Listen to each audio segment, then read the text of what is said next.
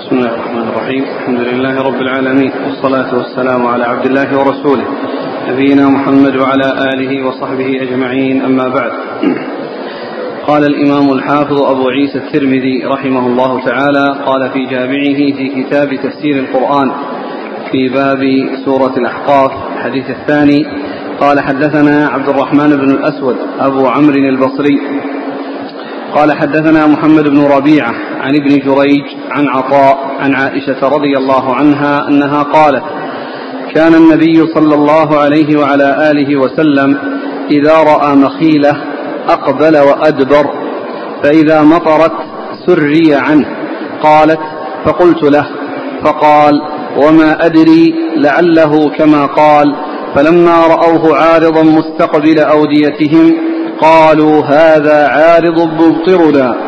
قال أبو عيسى هذا حديث حسن.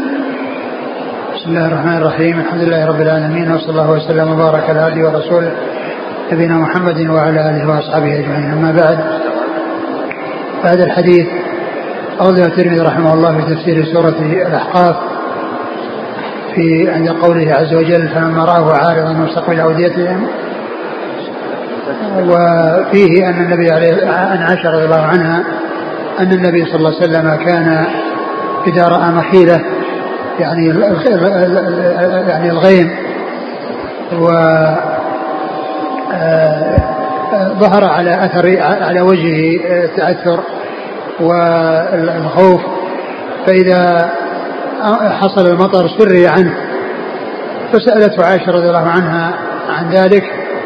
فقال إن الله عز وجل قال فلما راه عارضا مستقبل اوديتهم قالوا هذا عارض ممطرنا يعني أنه يكون عذابا أنه كان كانوا يريدون الغيث ويريدون المطر ولكنه صار عذابا لهم.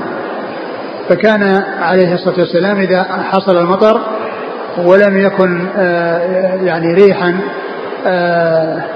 يكون فيها الضرر والهلاك سري عن رسول الله صلوات الله وسلامه وبركاته عليه.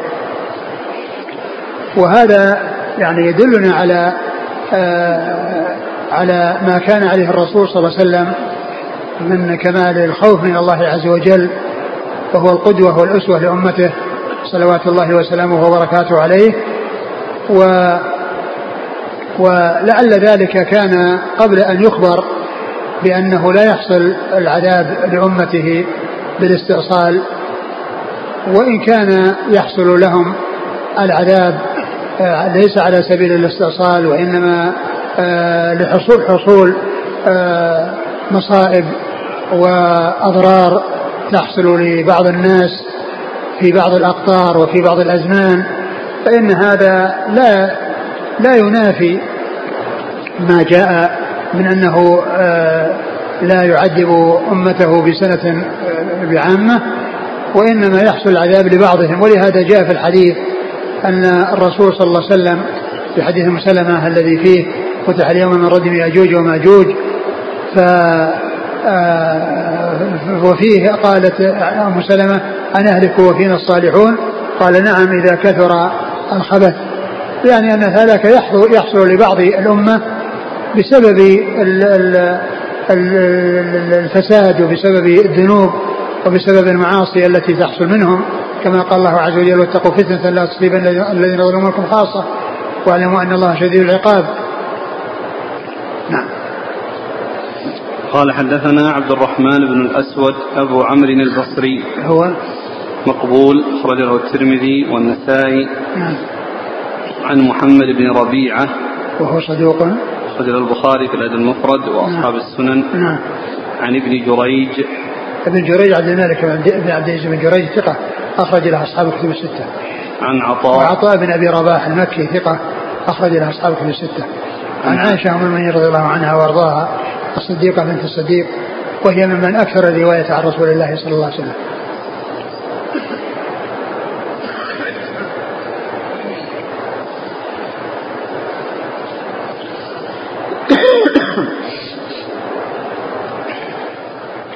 قال حدثنا علي بن حجر قال أخبرنا إسماعيل بن إبراهيم عن داود عن الشعبي عن علقمة قال قلت لابن مسعود رضي الله عنه هل صحب النبي صلى الله عليه وآله وسلم؟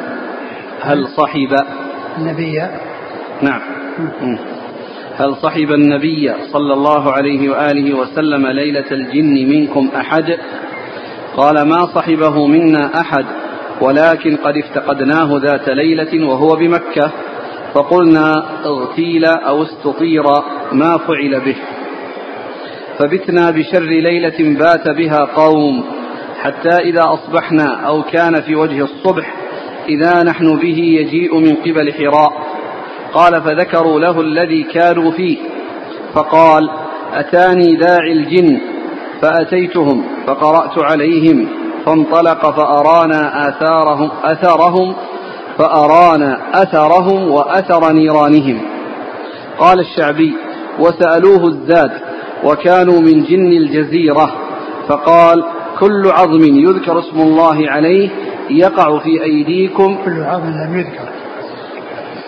لم يذكر اسم الله عليه. في بقية النسخ؟ لم يذكر. كل عظم لم يذكر اسم الله عليه يقع في أيديكم أوفر ما كان لحما وكل بعرة أو روثة على أو روثة علف لدوابكم. فقال رسول الله صلى الله عليه وسلم فلا تستنجوا بهما فإنهما زاد إخوانكم الجن. قال أبو عيسى هذا حديث حسن صحيح. ثم أورد أبو عيسى هذا الحديث المتعلق بقول الله عز وجل وإذ صرفنا إليك نفرا من الجن يستمعون القرآن في سورة الأحقاف. يقول ابن مسعود رضي الله عنه أنهم افتقدوا رسول الله صلى الله عليه وسلم يوما من الأيام وليلة من الليالي فخشوا أن يكون قد اغتيل يعني أنه قتل خفية أو حصل يعني له شيء فتألموا وتأثروا. ثم إنهم إنه جاءهم من جهة حراء من قبل حراء. وسألوه فقال إنه أتاه داعي الجن وأنه ذهب إليهم وقرأ عليهم القرآن. وقرأ عليهم القرآن. وهذا هو الذي قال الله عز وجل قل أوحي إلي أنه سمع نفر من الجن فقالوا إنا سمعنا قرآن عجبا. وقوله وإن صرفنا إليك نفر من الجن يستمعون القرآن. فلما حضروه قالوا أنصتوا الآيات. وقال يعني آه، آه، آه، ذهب بهم قال فذكروا له ذلك فذكروا له الذي كانوا فيه فقال أتاني داعي الجن نعم. فأتيتهم فقرأت عليهم نعم. فانطلق فأرانا نعم. أثرهم فانطلق يعني هو إياهم وأراهم أثرهم وأثر نيرانهم وأثر وأثار نيرانهم وهذا الحديث يدل على أن أنه ما صحبه منهم أحد وأن الحديث الذي فيه أن ابن مسعود يعني صحبه أنه كان معه يعني آه هذا الحديث الصحيح يدل على خلافه وفيه ما ذكره عن الشعبي أنه سألوه الزاد فقال لهم لكل عظم لم يذكر اسم الله عليه يكون أوفر ما يكون لحما يكون زادا لهم وأن الروث يكون علفا لدوابهم فلا تستنجوا بعظم ولا روث. والحديث قد ورد يعني هذا هذا هذا الكلام من الشعبي. ومعلوم أن أن الشعبي لا يقول هذا من قبل نفسه. وقد جاء في بعض الأحاديث الصحيحة أن النبي صلى الله عليه وسلم نهى عن استنجاب العظم والروث وجاء التعليل أنها طعام إخوانهم من الجن. وذكر التقييد بكونه لم يذكر اسم الله عليه. يعني هذا يعني آه يعني لم يثبت. و آه والرسول صلى الله عليه وسلم لما نهى عن عن الاستنجاء بالعظم والروث ما ذكر شيئا يتعلق بالعظم إنه لم يذكر اسم الله عليه أو ذكر اسم الله عليه وإنما هي عظم. سواء ذكر اسم الله عليه أو ما ذكر لأن الرسول صلى الله عليه وسلم أخبر بأنه يكون أوفر ما يكون لحما يكون طعاما لهم. يكون طعاما لهم. ف ولهذا نهى الرسول عليه الصلاة والسلام عن الاستنجاء بالعظم والروث لأن ذلك يقدره على الجن كما يعني جاء في هذا الحديث. أنه كما جاء في الحديث الصحيح النهي عن استعمال أو الاستنجاء بالروث والعظم. لما يترتب عليه من إفساده على الجن الذي هو طعامهم. ولكن هذا لا يكون مقيدا بكونه لم يذكر اسم الله عليه لم يذكر اسم الله عليه لأن كما هو معلوم الشيء الذي لم يذكر اسم الله عليه هو الذي تصيب منه الشياطين تصيب الشياطين من الطعام الذي لم يذكر اسم الله عليه. وأما كون الطعام يكون لهم من العظم فإن أيضا مما, مما أكله الناس وما ذكر اسم الله عليه. لأن الرسول عليه السلام نهى عن استعمال الروث والعظم مطلقا. وما قال أنها الذي ذكر أو الذي لم يذكر. ومن المعلوم أن أذكر أكثر ما يكون من العظام هو الذي استعمل. وأكله الناس وذكروا اسم الله عليه. وذكر اسم الله عليه. والشيء الذي لم يذكر اسم الله عليه هو القليل. يعني بالنسبة للمسلمين وما يستعمله المسلمون. نعم. وكل بعرة أو روثة علف لدوابكم.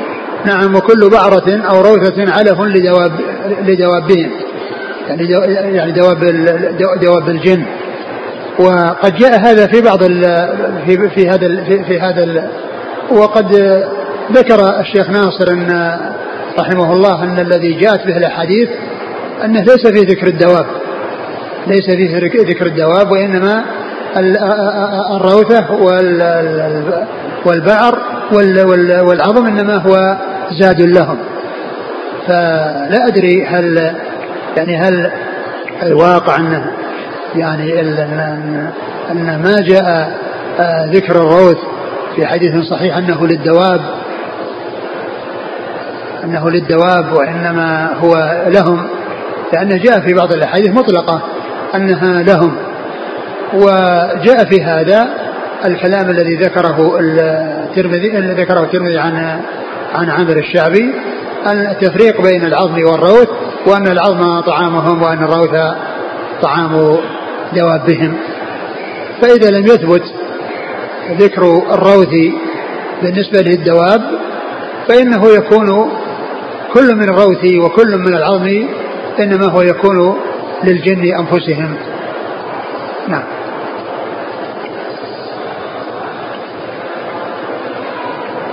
قال حدثنا علي بن حجر. هو بن إياس علي بن حجر بن إياس السعدي آه ثقة أخرجه البخاري ومسلم والترمذي والنسائي. عن إسماعيل بن إبراهيم. هو بن علية ثقة أخرج أصحاب الكتب الستة. عن داوود. داوود بن أبي هند وهو ثقة أخرج له البخاري تعليقا ومسلم وأصحاب السنن نعم.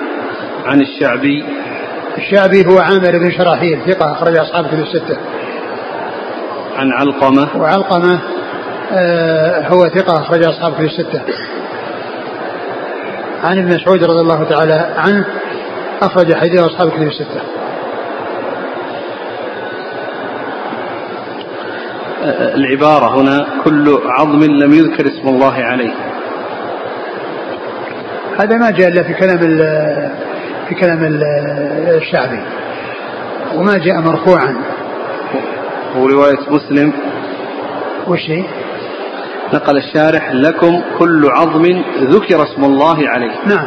هذا يعني يدل على أن على أن أن المسألة ليست كما كما هنا أنه لم يذكر اسم الله عليه وإنما ذكر اسم الله عليه وهذا هو الذي يعني ينطبق مع قوله صلى الله عليه وسلم آه لا تستنجوا بعظم ولا روث لأن الغالب في ما يستعمله المسلمون هو الذي ذكر اسم الله عليه هو الذي ذكروا اسم الله عليه نعم.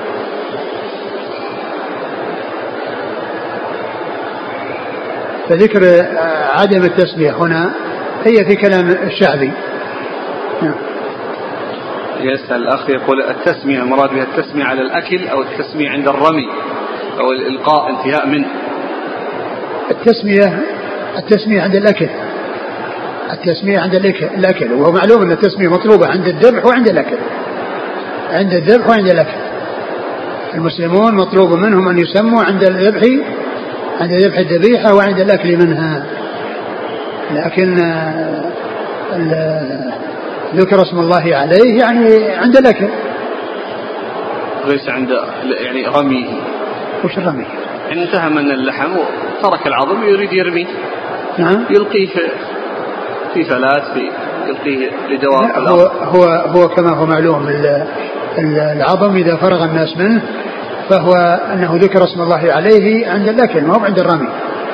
ذكر اسم الله عليه عند الاكل لأن الناس عندما يرمون الأشياء وعندما يخلصون من الأشياء ما جاء أنهم يذكرون اسم الله عليه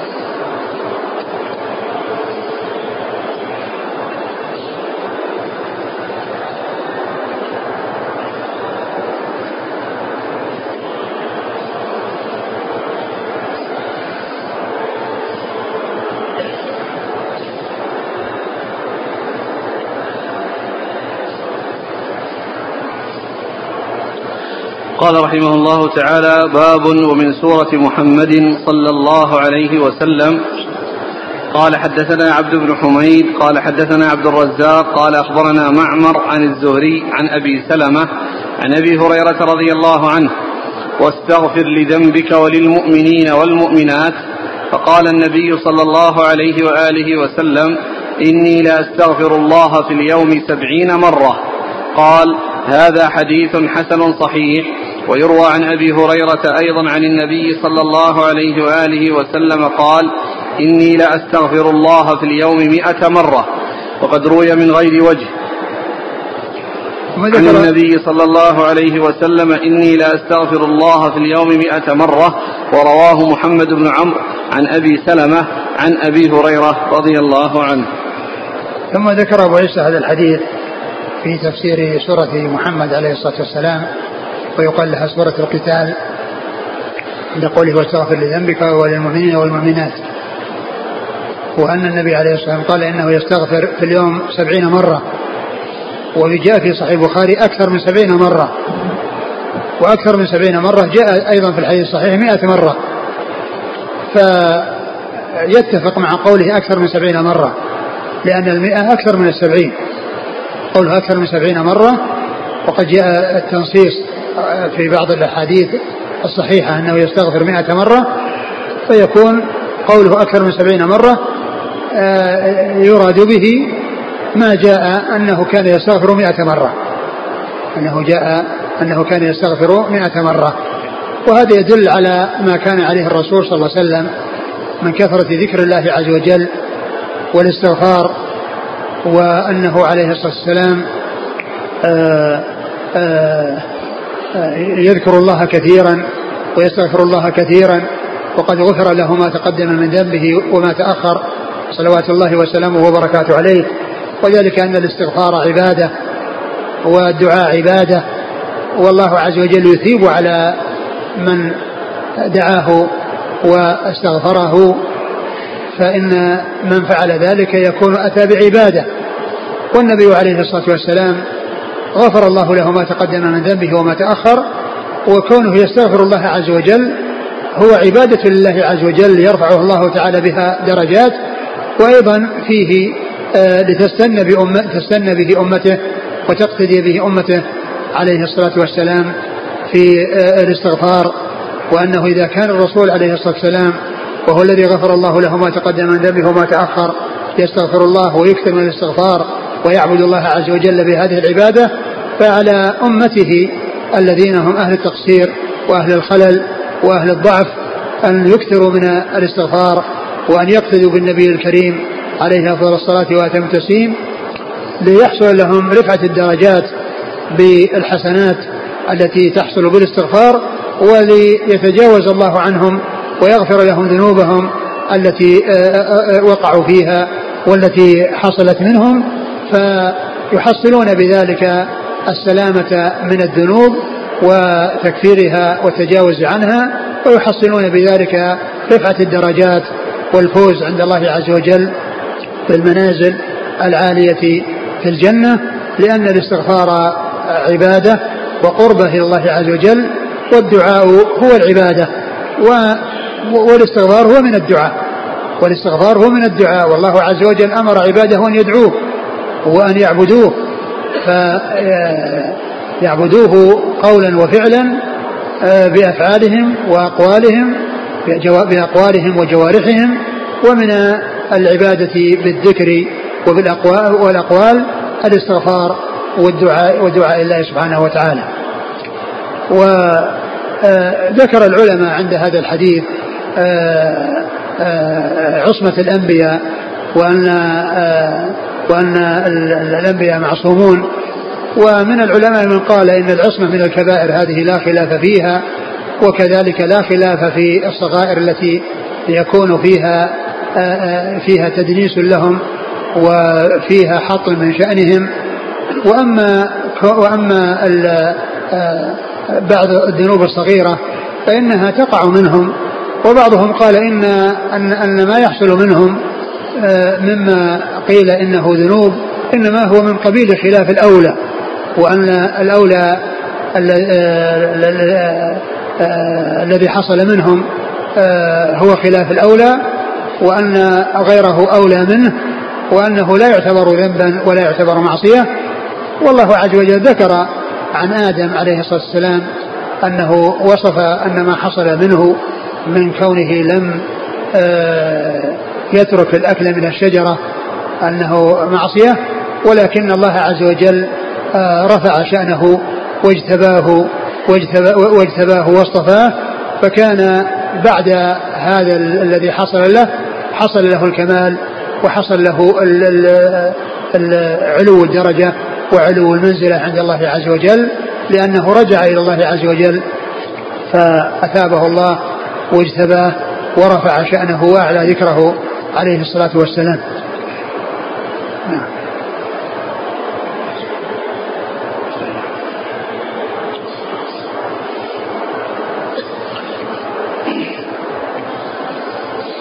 قال حدثنا عبد بن حميد ثقة أخرجه البخاري تعليقا ومسلم والترمذي.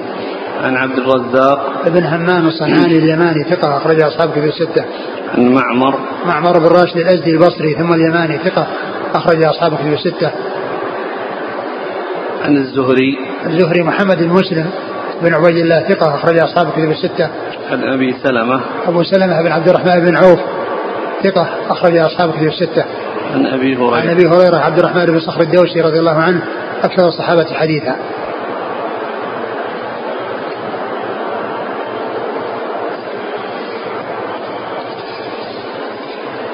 قال ورواه محمد بن عمرو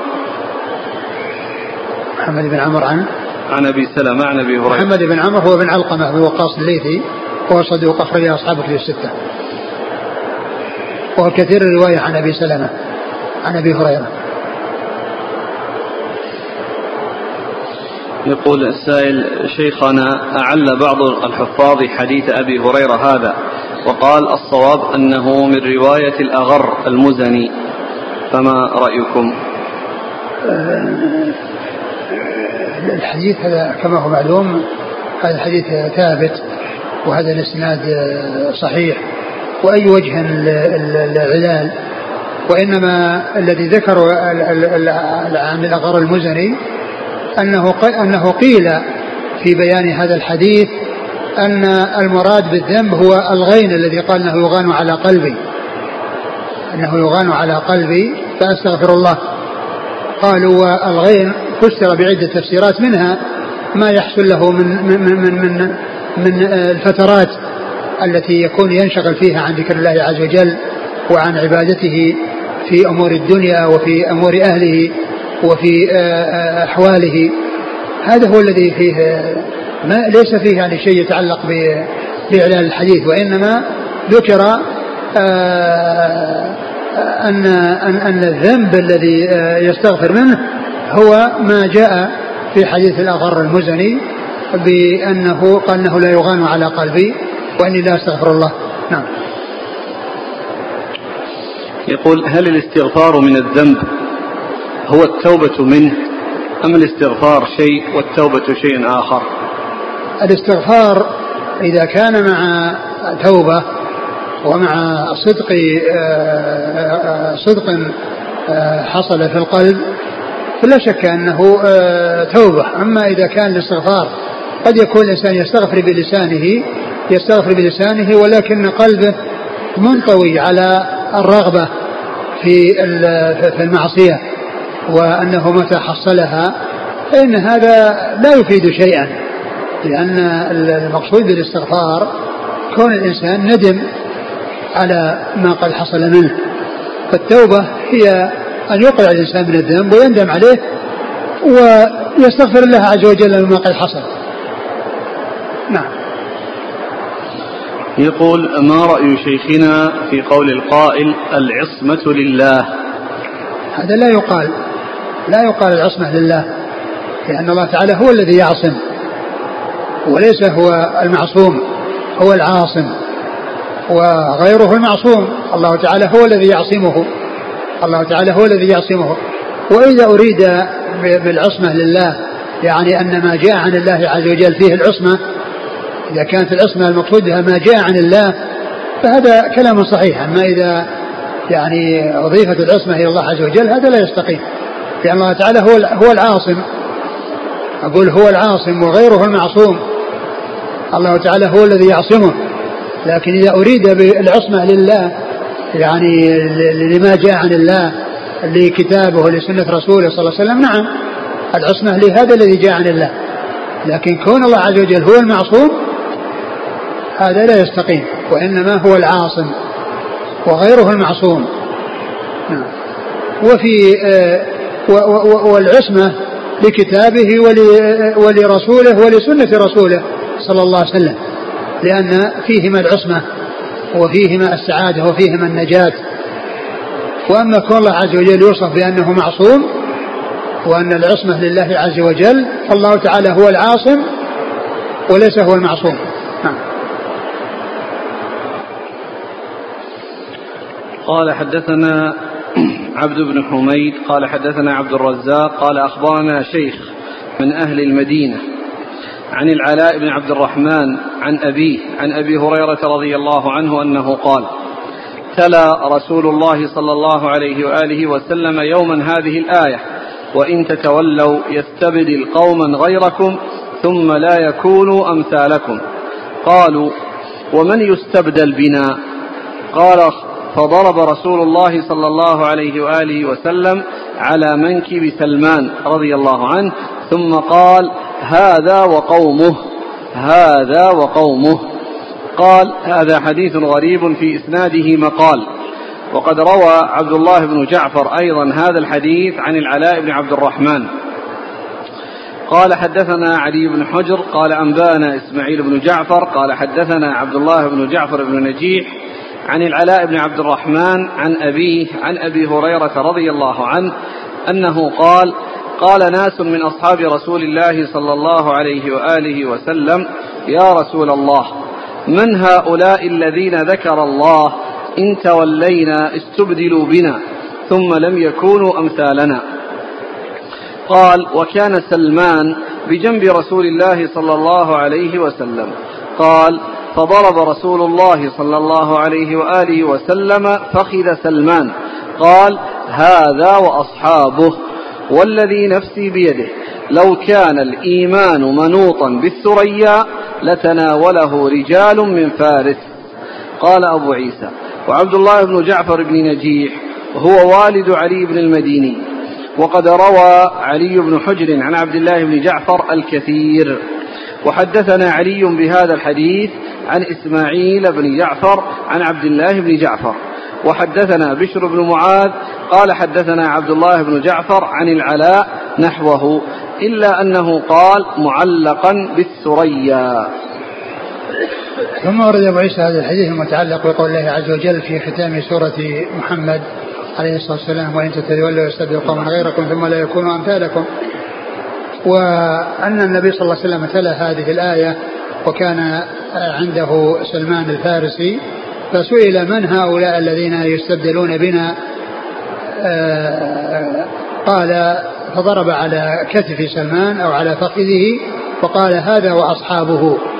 ثم قال والذي نفسي بيده لو كان الإيمان بالثريا لتناوله آه، لتناوله رجال من فارس. رجال من فارس لتناوله رجال من فارس. الحديث في قوله تناوله رجال من فارس هذا هذا في الصحيحين. فتناوله رجال من فارس ويعني وقد ذكره الترمذي عند قول الله عز وجل في سورة الجمعة وآخرين منهم لما يلحقوا بهم وهو العزيز الحكيم. و فهو ثابت في الصحيحين. وهذا يدل على على أن في الفرس من يكون عنده الإيمان ومن يكون قويا قوي الإيمان وأن وأنهم آه، يتمكنون في الإيمان فيهم من يتمكن. كما أن الفرس في مقابل هذا فيهم الشدة وفيهم شدة الكفر وأن أكثر أشد ما يكون الكفر عندهم أو فيهم. ولهذا جاء في الحديث أن أن ملك الفرس لما لما وصل إليه كتاب الرسول صلى الله عليه وسلم مزق مزق كتاب الرسول صلى الله عليه وسلم وهذا شدة شدة الكفر وهذا بخلاف الروم. ملك الروم احتفظ بالكتاب واهتم به وحفظه وأبقى عليه وفي قصة هرقل مع أبي سفيان يعني ما يدل على على على اهتمامه بالكتاب وعلى توقيره للرسول صلى الله عليه وسلم وعلى احترامه له ولكن الملك وحظ الدنيا حال بينه وبين أن يحصل الخير في الآخرة. الحاصل أن الفرس فيهم فيهم الأخيار وفيهم الأشرار. فيهم من هو آه، متمكن في الخير وفيهم من هو متمكن في الشر. فيهم قوة الإيمان وأنه لو كان الإمام بالثريا لتناوله يعني آه، جماعة من من من, من فارس. وفيهم شدة الكفر الذي بلغ إلى حد أن ملكهم مزق كتاب رسول الله صلى الله عليه وسلم. والحديث الذي أورده المصنف هنا فيه رجل آه، مبهم الذي يروي عن آه، عن العلاء. عن العلاء وفيه عبد الله بن بن نجيح بن نجيح عبد الله بن جعفر بن نجيح اللي هو وادع بن علي المديني وهو ضعيف. نعم.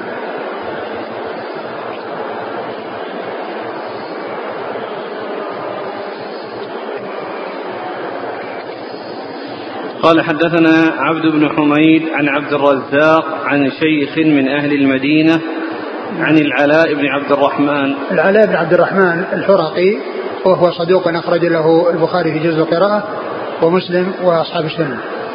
عن أبيه عن أبيه وهو ثقة أخرج له البخاري جزء القراءة ومسلم وأصحاب السنة. عن أبي هريرة. عن أبي هريرة رضي الله عنه. قال حدثنا علي بن حجر علي بن حجر مر ذكره. عن إسماعيل بن جعفر. وكذلك مر ذكره. عن عبد الله بن جعفر بن نجيح. وهذا والد علي المديني وهو ضعيف أخرج له. الترمذي وابن ماجه. نعم. عن العلاء عن أبيه عن أبي هريرة. نعم. بعده؟ وحدثنا بشر بن معاذ. بشر بن معاذ هو؟ صدوق الترمذي والنسائي بن ماجه. نعم. عن عن عبد الله بن جعفر عن العلاء نحو عن عبد الله بن جعفر الذي هو والد علي علي المديني. يعني آه، والد علي المديني نعم. عن؟ عن العلاء. عن العلاء نعم. وبعده هذا قال في آخره وقد روى علي بن حجر عن عبد الله بن جعفر الكثير. نعم. يعني أن أن أنه في الإسناد الذي معنا علي بن حجر يروي عن إسماعيل عن عبد الله بن جعفر. يعني يروي عنه بواسطة. وقال إنه يروي عنه بواسطة بغير واسطة كثير. علي بن حجر يروي عن عبد الله بن نجيح عبد الله بن جعفر بن نجيح والد علي المديني يروي عنه الكثير ولكنه في هذا الإسناد روى عنه بواسطة بواسطة إسماعيل بن جعفر. بواسطة إسماعيل بن جعفر. يعني معناه أنه روى عنه هذا بواسطة وروى عنه الكثير بغير واسطة. وروى عنه الكثير بغير واسطة. نعم.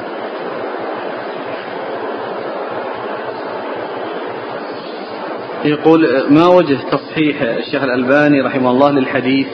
ما أدري يعني هل يعني هالطريقين طريق الرجل المبهم والرجل ووالد علي المديني يعني هل يعني ضموا بعضها إلى بعض؟ يعني يقويها هذا ضعيف وهذا مبهم. ما أدري يعني وش وجهه. وأحال على الصحيح. نعم. رجعت الصحيحة؟ ما على الصحيح. ما أتذكر عن وش الذي قال فيه.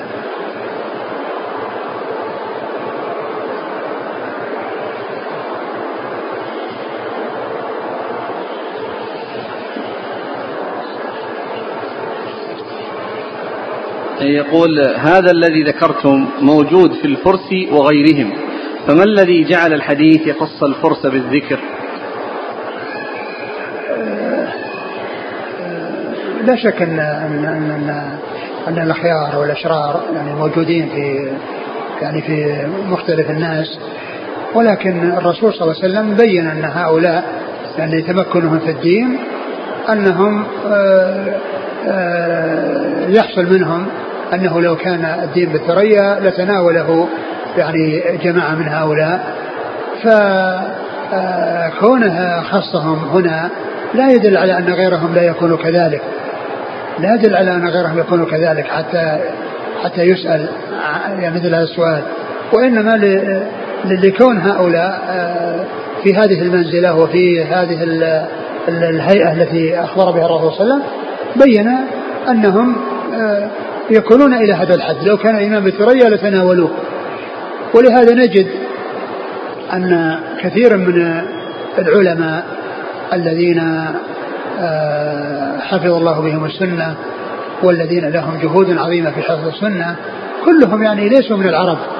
يعني لو خاصة أصحاب الكتب الستة كلهم ما فيهم إلا مسلم من الحجاج هذا هو قشيري من العرب وهو أيضا من نيسابور هنا في تلك البلاد. هو يعني عاش في تلك البلاد وهو أصله عربي لأنه قشيري نيسابوري قشيري. وأما الباقون فكلهم من, من تلك البلاد التي هي بلاد الفرس وما وراءها. وهذا مما يبين يعني مصداق أو ما دل عليه الحديث من قوة الإيمان عند بعض الفرس وهذا يقول هل المقصود فارس بالخصوص أم يدخل فيه الأعاجم؟ لا المقصود فارس لأن التنصيص على فارس. يعني مثلا الهند. ما يدخلون. ما يقول ما يقال ما يقال إنهم فرس هو نص على الفرس قال من فارس. الذين منهم سلمان.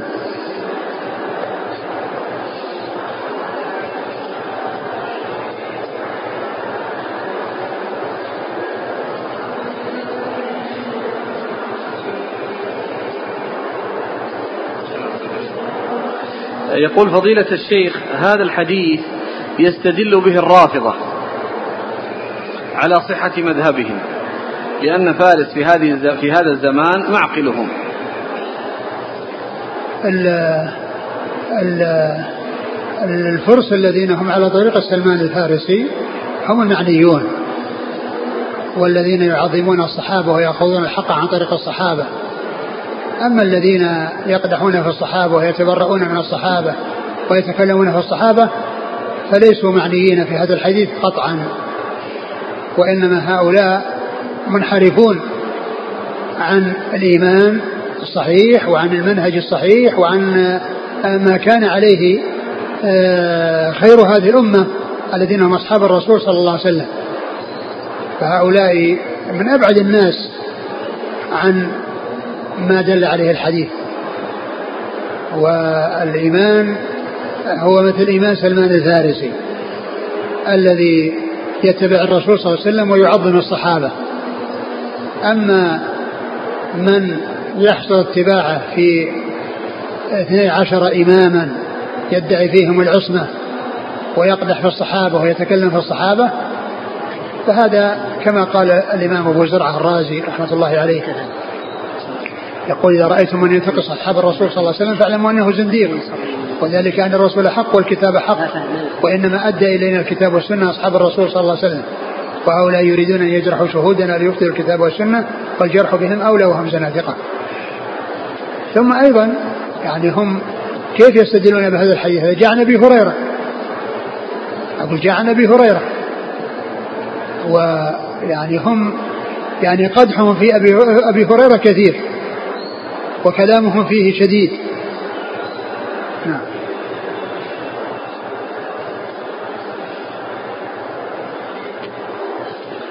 قال رحمه الله تعالى باب ومن سورة الفتح. قال حدثنا محمد بن بشار قال حدثنا محمد بن خالد بن عثمة قال حدثنا مالك بن أنس عن زيد بن أسلم عن أبيه قال سمعت عمر بن الخطاب رضي الله عنه يقول كنا مع رسول الله صلى الله عليه وعلى آله وسلم في بعض أسفاره. فكلمت رسول الله صلى الله عليه وآله وسلم فسكت. ثم كلمته فسكت. ثم كلمته فسكت. فحركت راحلتي فتنحيت. وقلت ثكلتك أمك يا ابن الخطاب.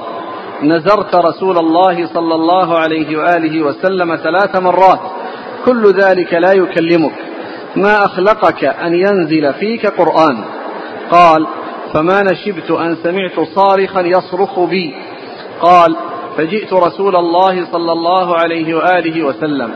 فقال يا ابن الخطاب لقد أنزل علي هذه الليلة سورة ما أحب أن لي منها ما طلعت عليه الشمس. إنا فتحنا لك فتحا مبينا. قال أبو عيسى هذا حديث حسن صحيح غريب.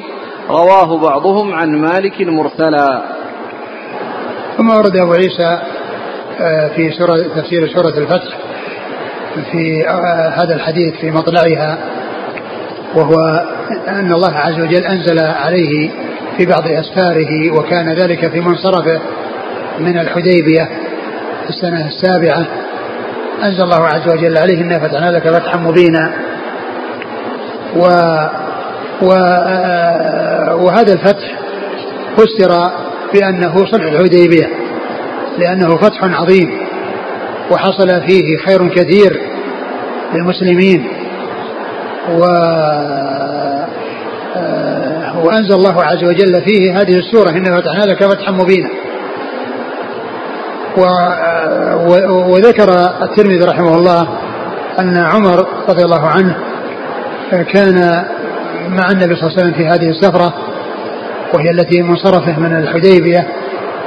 فناداه فسكت عنه الرسول صلى الله عليه وسلم ثم مرة ثانية ثم ثالثة.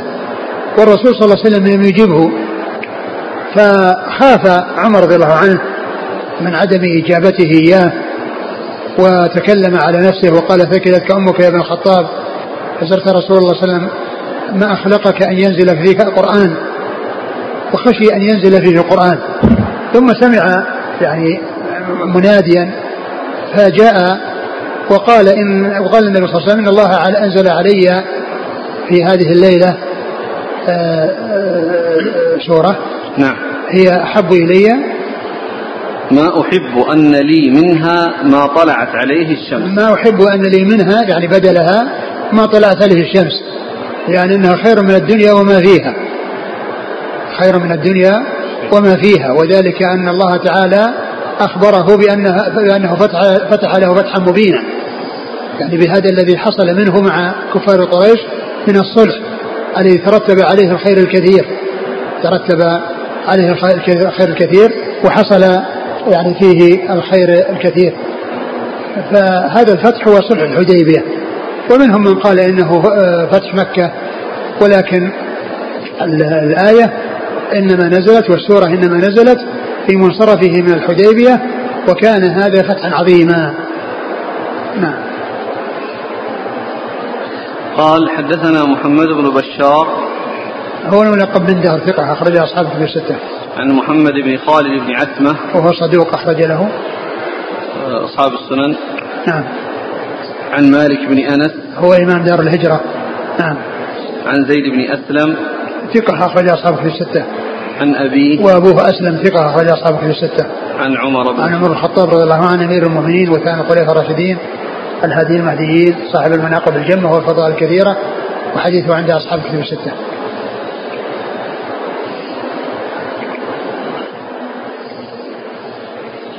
قال حدثنا عبد بن حميد قال حدثنا عبد الرزاق عن معمر عن قتادة عن أنس رضي الله عنه أنه قال نزلت على النبي صلى الله عليه وآله وسلم ليغفر لك الله ما تقدم من ذنبك وما تأخر مرجعه من الحديبية. فقال النبي صلى الله عليه وآله وسلم لقد نزلت علي آية أحب إلي مما على الأرض. ثم قرأها النبي صلى الله عليه وآله وسلم عليهم فقالوا هنيئا مريئا يا نبي الله قد بين الله لك ماذا يفعل بك فماذا يفعل بنا؟ فنزلت عليه ليدخل المؤمنين والمؤمنات جنات تجري من تحتها الأنهار حتى بلغ فوزا عظيما. قال هذا حديث حسن صحيح. وفيه عن مجمع بن جارية رضي الله عنه. ثم ذكر هذا الحديث عن النبي صلى الله عليه وسلم أنه لم يغفر لك الله ما تقدم من ذنبك وما تأخر. قال إنه أنزل عليه آية أحب إليه من الدنيا وما فيها. فالصحابه قالوا هنيئا لك يا رسول الله هذا لك فماذا لنا؟ فأنزل الله عز وجل ليدخل الذين ليدخل, ليدخل المؤمنين والمؤمنات جنات تجري من تحتها الأنهار فهذا هو الذي للمؤمنين آه، فالذي لله للرسول أنه غفر له ما تقدم من ذنبه وما تأخر والذي للمؤمنين أنه يدخلهم جنات تجري من تحتها انهار نعم. وما يتعلق قوله يغفر الله ما تقدم من ذنبك وما تأخر قيل ما تقدم قبل البعثه وما تأخر بعدها وقيل ما كان قبل قبل نزول هذه الآية وما كان بعدها. نعم.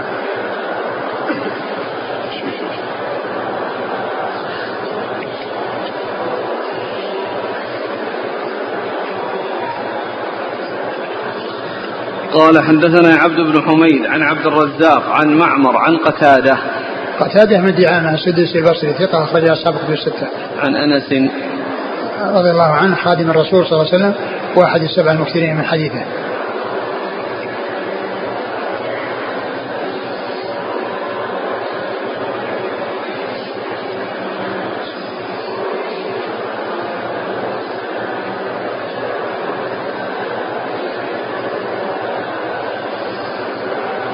قال وفيه عن مجمع بن جارية.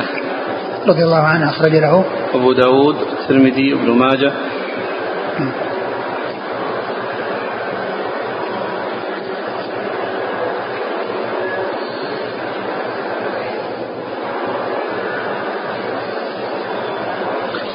قال حدثنا عبد بن حميد قال حدثنا قال حدثني عبد الرزاق عن معمر قال حدثني سليمان بن حرب قال حدثنا في زيادة في الإسناد عبد الرزاق ومعمر.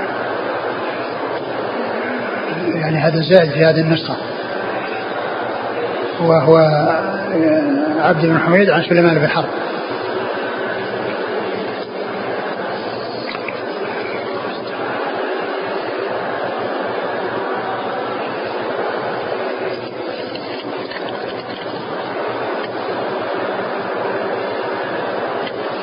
قال حدثنا عبد بن حميد قال حدثني سليمان بن حرب قال حدثنا حماد بن سلمة عن ثابت عن أنس رضي الله عنه أن ثمانين هبطوا على رسول الله صلى الله عليه وآله وسلم وأصحابه من جبل, من جبل التنعيم عند صلاة الصبح وهم يريدون أن يقتلوه فأخذوا أخذا فاعتقهم رسول الله صلى الله عليه وآله وسلم فأنزل الله وهو الذي كف أيديهم عنكم وأيديكم عنهم.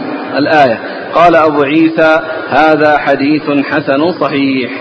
ثم ورد أبو عيسى هذا الحديث في قوله عز وجل هو الذي كف أيديهم عنكم وأيديكم عنهم.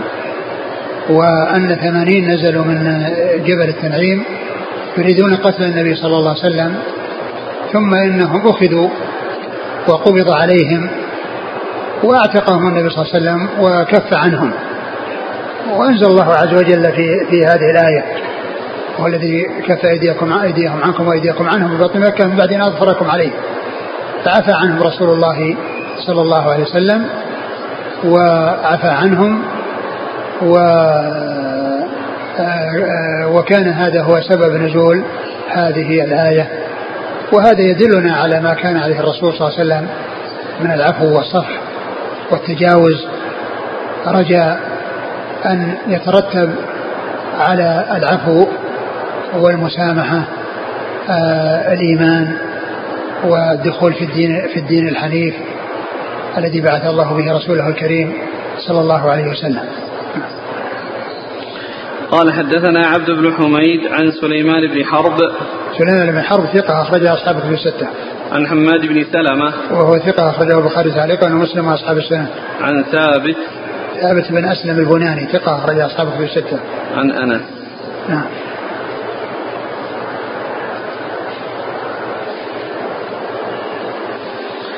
قال حدثنا الحسن بن قزعة البصري قال حدثنا سفيان بن حبيب عن شعبة عن ثوير عن أبيه عن الطفيل بن أبي بن كعب عن أبيه رضي الله عنه عن النبي صلى الله عليه وعلى آله وسلم وألزمهم كلمة التقوى قال لا إله إلا الله قال هذا حديث غريب لا نعرفه مرفوعا إلا من حديث الحسن بن قزعة قال وسألت أبا زرعة عن هذا الحديث فلم يعرفه مرفوعا إلا من هذا الوجه. ثم ذكر أبو عيسى هذا الحديث في قول الله عز وجل وألزمهم كلمة التقوى وأن الرسول صلى الله عليه وسلم قال هي لا إله إلا الله.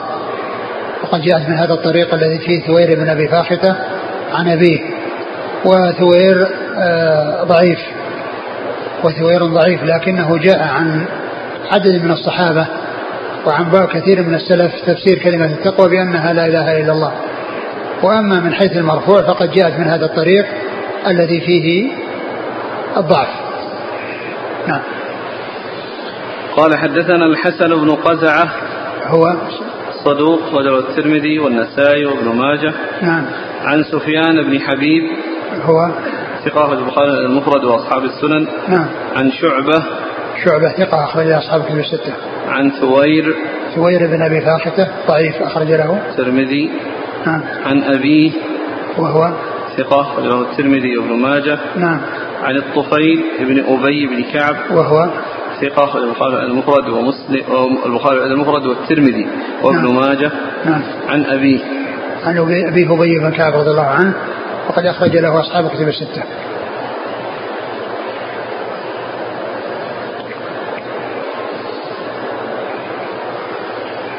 انتهى الرجال أيوه وقال وسألت أبا زرع عن هذا الحديث فلم يعرفه مرفوعا إلا من هذا الوجه. أبو زرعة هو عبيد الله بن عبد الكريم الرازي وهو ثقة أخرج له مسلم و الترمذي والنسائي وابن ماجه. نعم. قال رحمه الله تعالى باب ومن سورة الحجرات. والله تعالى أعلم وصلى الله وسلم وبارك على عبده ورسوله نبينا محمد وعلى آله وأصحابه أجمعين. جزاكم الله خيرا وبارك الله فيكم. ألهمكم الله الصواب ووفقكم للحق. والشيخ نعم. ناصر صحح الحديث هذا لكن ما أدري ما أدري شو وجه تصحيحه. وين؟ نعم.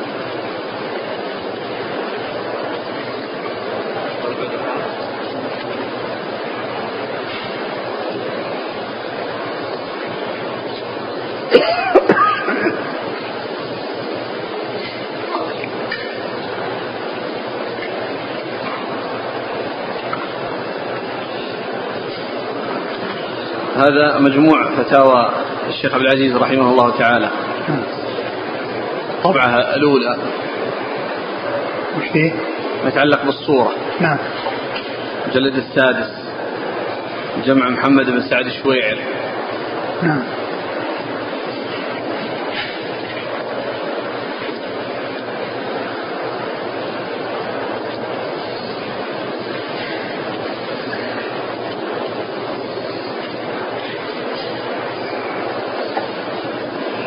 السائل يقول إن الله خلق آدم على صورته. هل معنى ذلك أن جميع ما لآدم من صفات تكون لله؟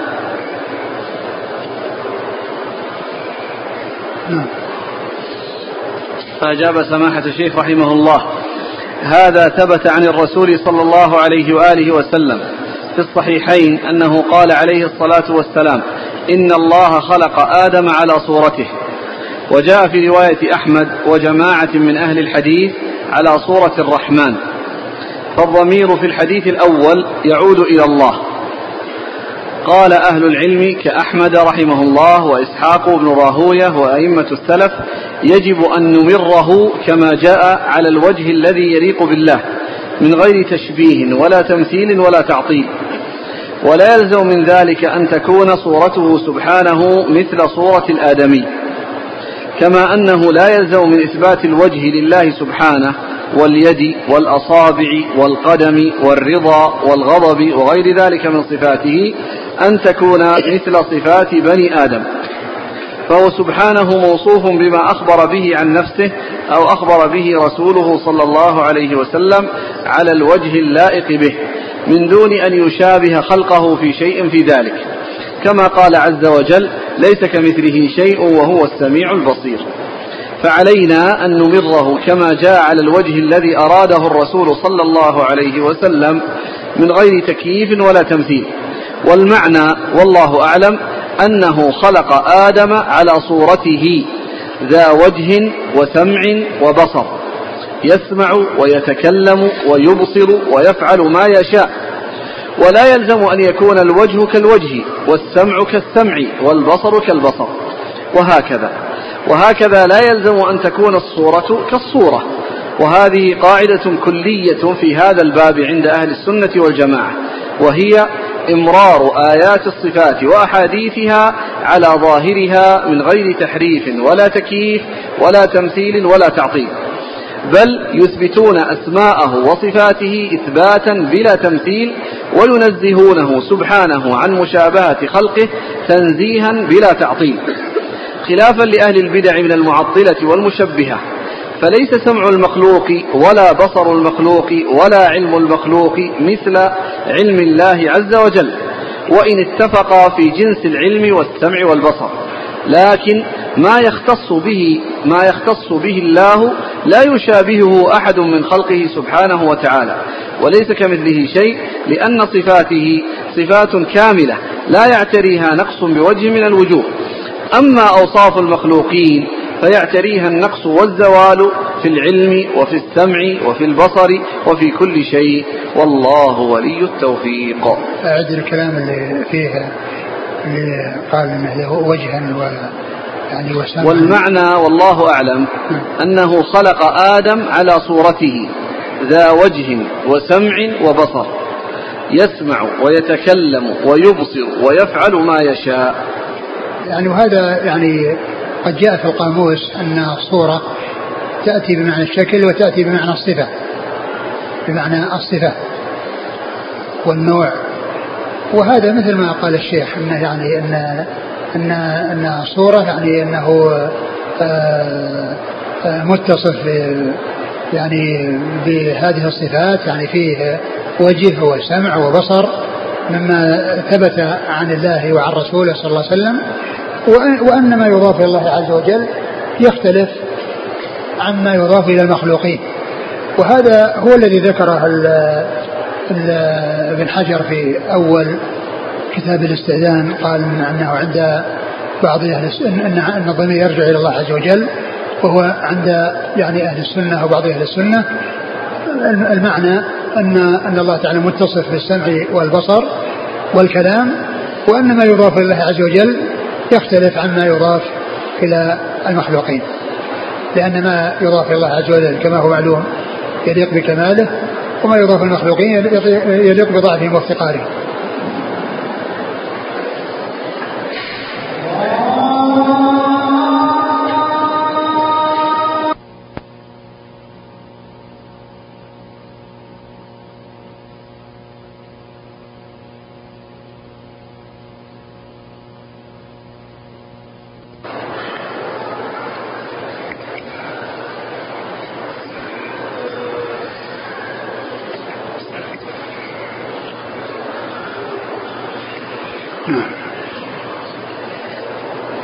هذا نقل من شرح الواسطية للشيخ ابن عثيمين رحمه الله المجلد الأول صفحة 107 لما كان يتحدث عن قول المؤلف من غير تمثيل قال فإن قال قائل إن النبي صلى الله عليه وسلم حدثنا بأحاديث تشتبه علينا هل هي تمثيل أو غير تمثيل؟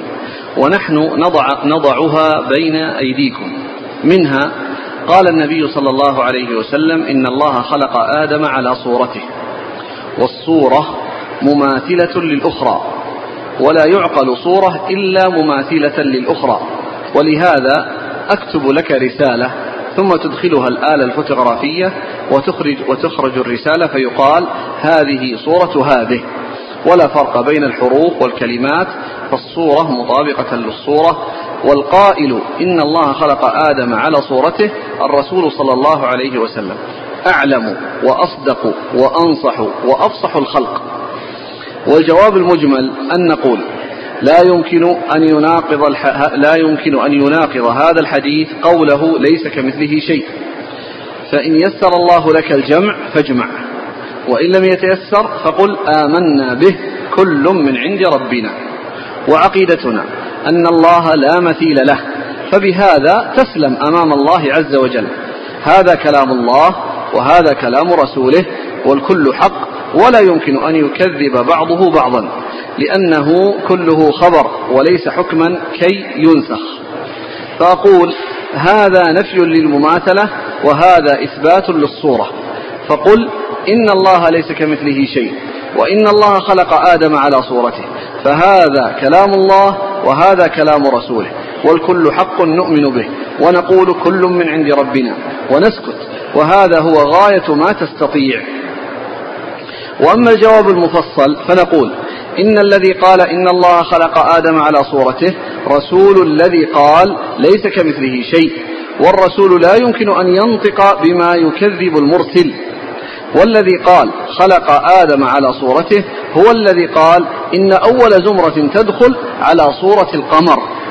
فهل تعتقد أن هؤلاء الذين يدخلون الجنة على صورة القمر من كل وجه؟ أو تعتقد أنهم على صورة البشر لكن في الوضاءة والحسن والجمال واستدارة الوجه؟ وما أشبه ذلك على صورة القمر لا من كل وجه.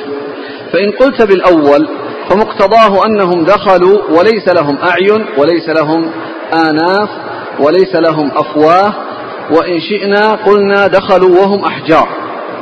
وإن قلت بالثاني زال الإشكال وتبين أنه لا يلزم من كون الشيء على صورة الشيء أن يكون مماثلا من كل وجه. فإن فإن فإن أبى فهمك وتقاصر عن هذا وقال أنا لا أفهم إلا أنه مماثل. قلنا هناك جواب آخر وهو أن الإضافة هنا من باب إضافة المخلوق إلى خالقه فقوله على صورته مثل قوله في آدم ونفخت فيه من روحي ولا يمكن أن الله عز وجل أعطى آدم جزءا من روحه بل المراد الروح التي خلقها الله عز وجل لكن إضافتها إلى الله بخصوصها من باب التشريف كما تقول عباد الله يشمل الكافر والمسلم والمؤمن والشهيد والصديق والنبي لكننا لو قلنا محمد عبد الله هذه إضافة خاصة ليست كالعبودية السابقة. فقوله خلق الله آدم على صورته يعني صورة من الصور التي خلقها الله وصورها. كما قال تعالى ولقد خلقناكم ثم صورناكم ثم قلنا للملائكة اسجدوا لآدم والمصور آدم. إذا فآدم على صورة الله يعني أن الله هو الذي صوره على هذه الصورة التي تعد أحسن الصور تعد أحسن صورة في المخلوقات. لقد خلقنا الإنسان في أحسن تقويم. فإضافة الله الصورة إليه من باب التشريف كأنه عز وجل اعتنى بهذه الصورة ومن أجل ذلك لا لا تضرب الوجه. فتعيبه حسا ولا تقبحه فتقول قبح الله وجهك ووجه من أشبه ووجه من أشبه وجهك. فتعيبه معنى فمن أجل أنه الصورة التي صورها الله وأضافها إلى نفسه تشريفا وتكريما لا تقبحها بعيب حسي ولا بعيب معنوي. ثم هل يعتبر هذا الجواب تحريفا أم له نظير؟ نقول له نظير. كما في بيت الله وناقة الله وعبد الله لأن هذه الصورة أي صورة آدم منفصلة بائنة من الله وكل شيء أضافه الله إلى نفسه وهو منفصل بائن عنه فهو من المخلوقات فحينئذ يزول الإشكال. ولكن إذا قال قائل أيما أسلم المعنى الأول أم الثاني؟ قلنا المعنى الأول أسلم. ما دمنا نجد أن لظاهر اللفظ مساغا في اللغة العربية وإمكانا في العقل فالواجب حمل حمل الكلام عليه. ونحن وجدنا أن الصورة لا يلزم منها مماثلة الصورة الأخرى وحينئذ الأسلم أن نحمله على ظاهره. فإن قلت ما هي الصورة التي تكون لله ويكون آدم عليها قلنا إن الله عز وجل له وجه وله عين وله يد وله رجل عز وجل لكن لا يلزم من أن تكون هذه الأشياء مماثلة للإنسان فهناك شيء من الشبه لكنه ليس على سبيل المماثلة. كما أن الزمرة الأولى من أهل الجنة فيها شبه من القمر لكن بدون مماثلة. وبهذا يصدق ما ذهب إليه أهل السنة والجماعة من أن جميع صفات الله سبحانه وتعالى ليست مماثلة لصفات المخلوقين من غير تحريف ولا تعطيل ومن غير تكييف ولا تمثيل.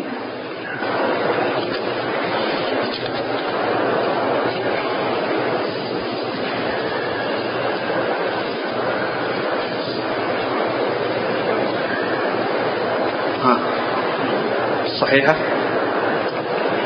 نعم. هذا نقل راجع عبد الحكيم السلسلة الصحيحة. في الحديث لو كان نعم. الإيمان عند نعم. الثريا يقول لو كان الإيمان عند الثريا لناله رجال من هؤلاء يعني سلمان الفارسي أخرجه البخاري ومسلم. من طريق أبي الغيث. عن أبي هريرة. قال كنا جلوسا عند النبي صلى الله عليه وسلم إذ نزلت سورة الجمعة. فلما قرأ وآخرين منهم لما يلحقوا بهم. قال رجل من هؤلاء يا رسول الله؟ فلم يراجعه النبي. وفينا سلمان الفارسي. قال فوضع النبي صلى الله عليه وسلم يده على سلمان ثم قال الحديث. قلت الألباني رحمه الله وقد صح بلفظ آخر وهو لو كان الدين عند الثريا لذهب به رجل من فارس أو قال أبناء فارس حتى يتناوله حتى يناوله. أخرجه مسلم وأحمد من طريق زيد بن الأصم. انتهى؟ أو يزيد بن الأصم. بس. هذا هذا يعني بالشاهد كأنه صحابه الشيخ بالشاهد. أقول لا هذاك بالنسبة لل آه، الامام الثري هذا ما له دخل كلام على الاستبدال وأنه اشتد بفارس. وأما قضية هذا في الصحيحين لو كان الإمام الثريا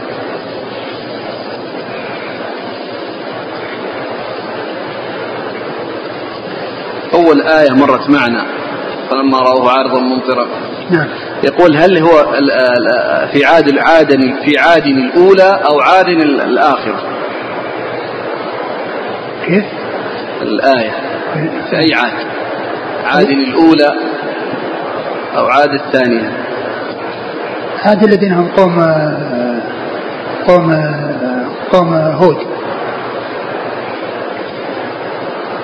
لأنه مذكور يذكر أخا عاد اللي هو هود. لأن رقمه بالأحقاف.